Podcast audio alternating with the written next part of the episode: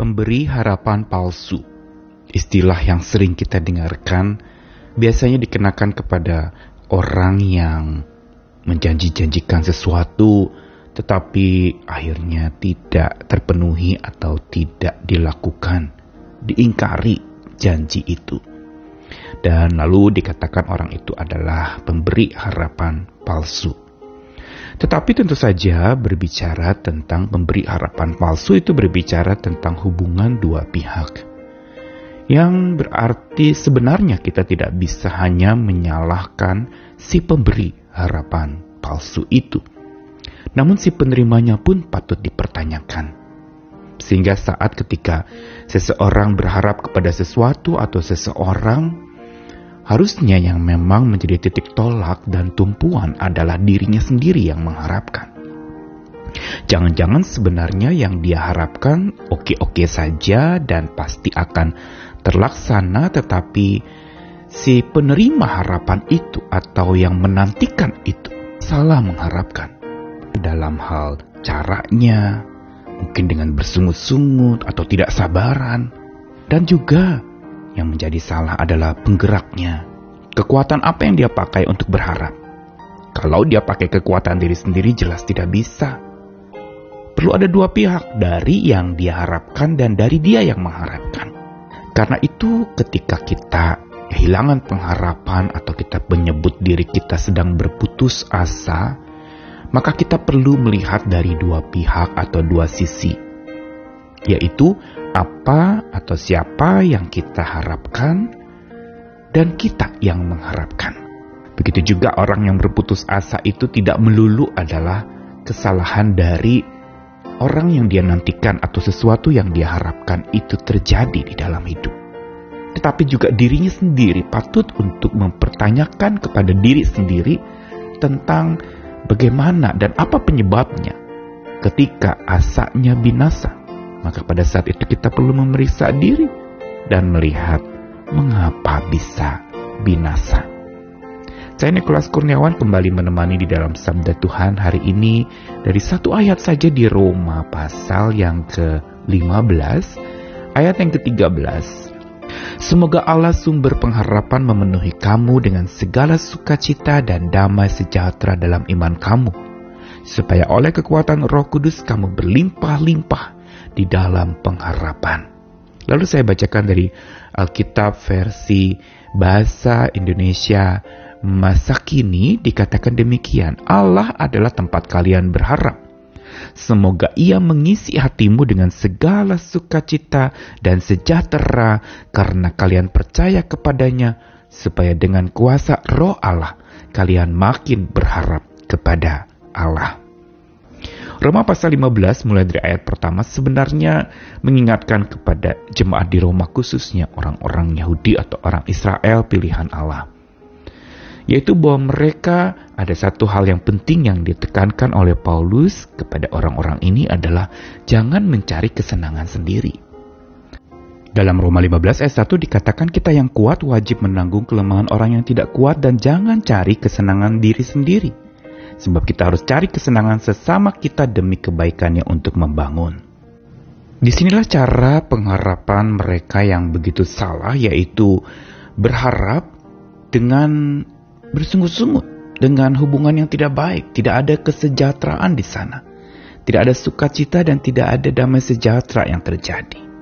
Padahal putus asa bukan saja semata dari orang yang memberi asa, tapi orang yang punya asa dan berharap, orang yang justru menantikan sesuatu.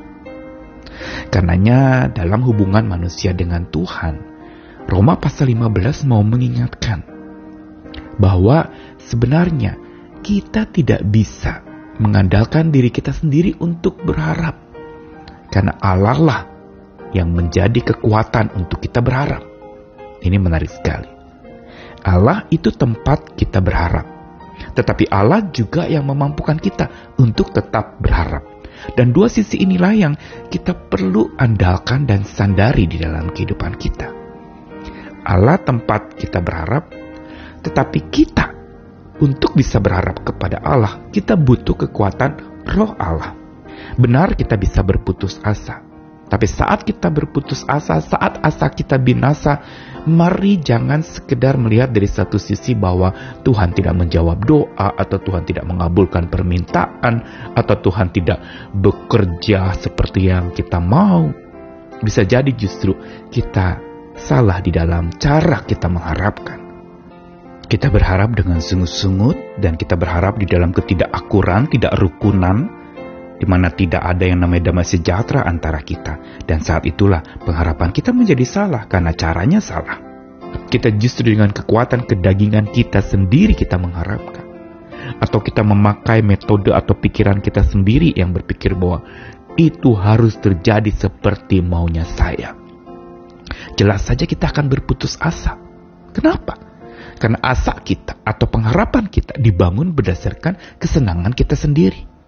Hanya untuk kemauan kita sendiri. Dan berdasarkan kedagingan tentu saja. Dan karena itu kita perlu melihat bahwa kekuatan untuk berharap itu tidak bisa dari diri kita sendiri kita perlu Tuhan. Makanya Paulus di dalam bagian akhir dari ayat yang ke-13 dalam satu perikop itu dikatakan biarlah Tuhan sumber pengharapan itu yang memenuhi kita. Berarti bukan kita menyalahkan Tuhan yang seolah tidak memberi pengharapan atau tidak menjawab doa atau tidak mengabulkan permintaan kita. Tetapi kita justru perlu menyadari bahwa untuk kita mengharapkan Tuhan, kita perlu Tuhan. Untuk kita bisa berharap kepada Tuhan, kita perlu Tuhan sendiri yang memenuhi kita. Dan dikatakan dengan sukacita dan damai sejahtera yang begitu melimpah. Dan ini semua berasal dari kekuatan roh kudus. Karenanya kita penting untuk mengandalkan diri kita kepada kekuatan, kuasa, perkasa dari roh kudus yang tercurah dari angkasa itu buat hidup manusia. Ini kekuatan kita. Sehingga saat kita putus asa, jangan sekedar melihat atau menuduh, menuding, menyalahkan apa ya atau siapa yang kita harapkan itu yang ternyata tidak datang-datang atau tidak muncul-muncul. Tapi kita juga perlu periksa diri kita dengan apa kita berharap. Dengan cara apa kita berharap. Dengan kekuatan apa kita berharap. Apa penggeraknya. Sabda Tuhan menyapa kita hari ini ingin mengingatkan bahwa dikala asa binasa dalam hidup, maka kita perlu kuasa perkasa dari Allah Tuhan kita, Maha Angkasa itu yang tercurah dari sorga untuk kita, karena dia sanggup mengisi hati kita dengan sukacita dan sejahtera secara luar biasa. Sehingga akhirnya pengharapan kita bertumbuh. Bertumbuh karena kekuatan Tuhan yang menumbuhkan. Kekuatan kita untuk bisa asa atau pengharapan kita menjadi makin dewasa, bertumbuh dan bertambah, itu adalah kekuatan dari Tuhan pula. Sehingga asa itu akan berkuasa leluasa, melimpah ruan, akan makin berharap kepada Tuhan. Karena apa? Kita bergantung kepada Tuhan untuk kita berharap kepada Tuhan. Inilah sebenarnya yang menjadi pemahaman iman kita.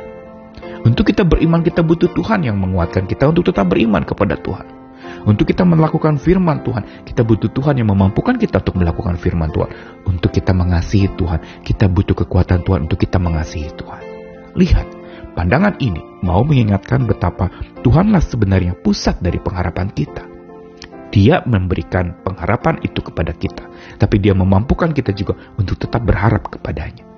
Dan semua dikerjakan oleh kuasa roh Allah, roh kudus, yang mengingatkan kita bahwa selalu ada pengharapan, setelah duka cita, setelah berkabung, setelah penuh dengan pergumulan, selalu ada pengharapan. Dan dikala asa binasa, datanglah kepada Tuhan sumber asa itu dan minta dia bukan saja menjaminkan apa yang diharapkan, tapi juga memberikan kepada kita kekuatan untuk tetap berharap kepadanya tanpa kendur, tanpa lemah, tanpa menjadi letih. Tuhan menguatkan kita karena hanya orang yang mengandalkan Tuhan, yang berharap kepada Tuhan yang akan selalu dibarui kekuatannya juga oleh Tuhan. Selamat tetap berharap dan jangan putus asa karena Tuhan selalu memberi asa kepada kita. Amin.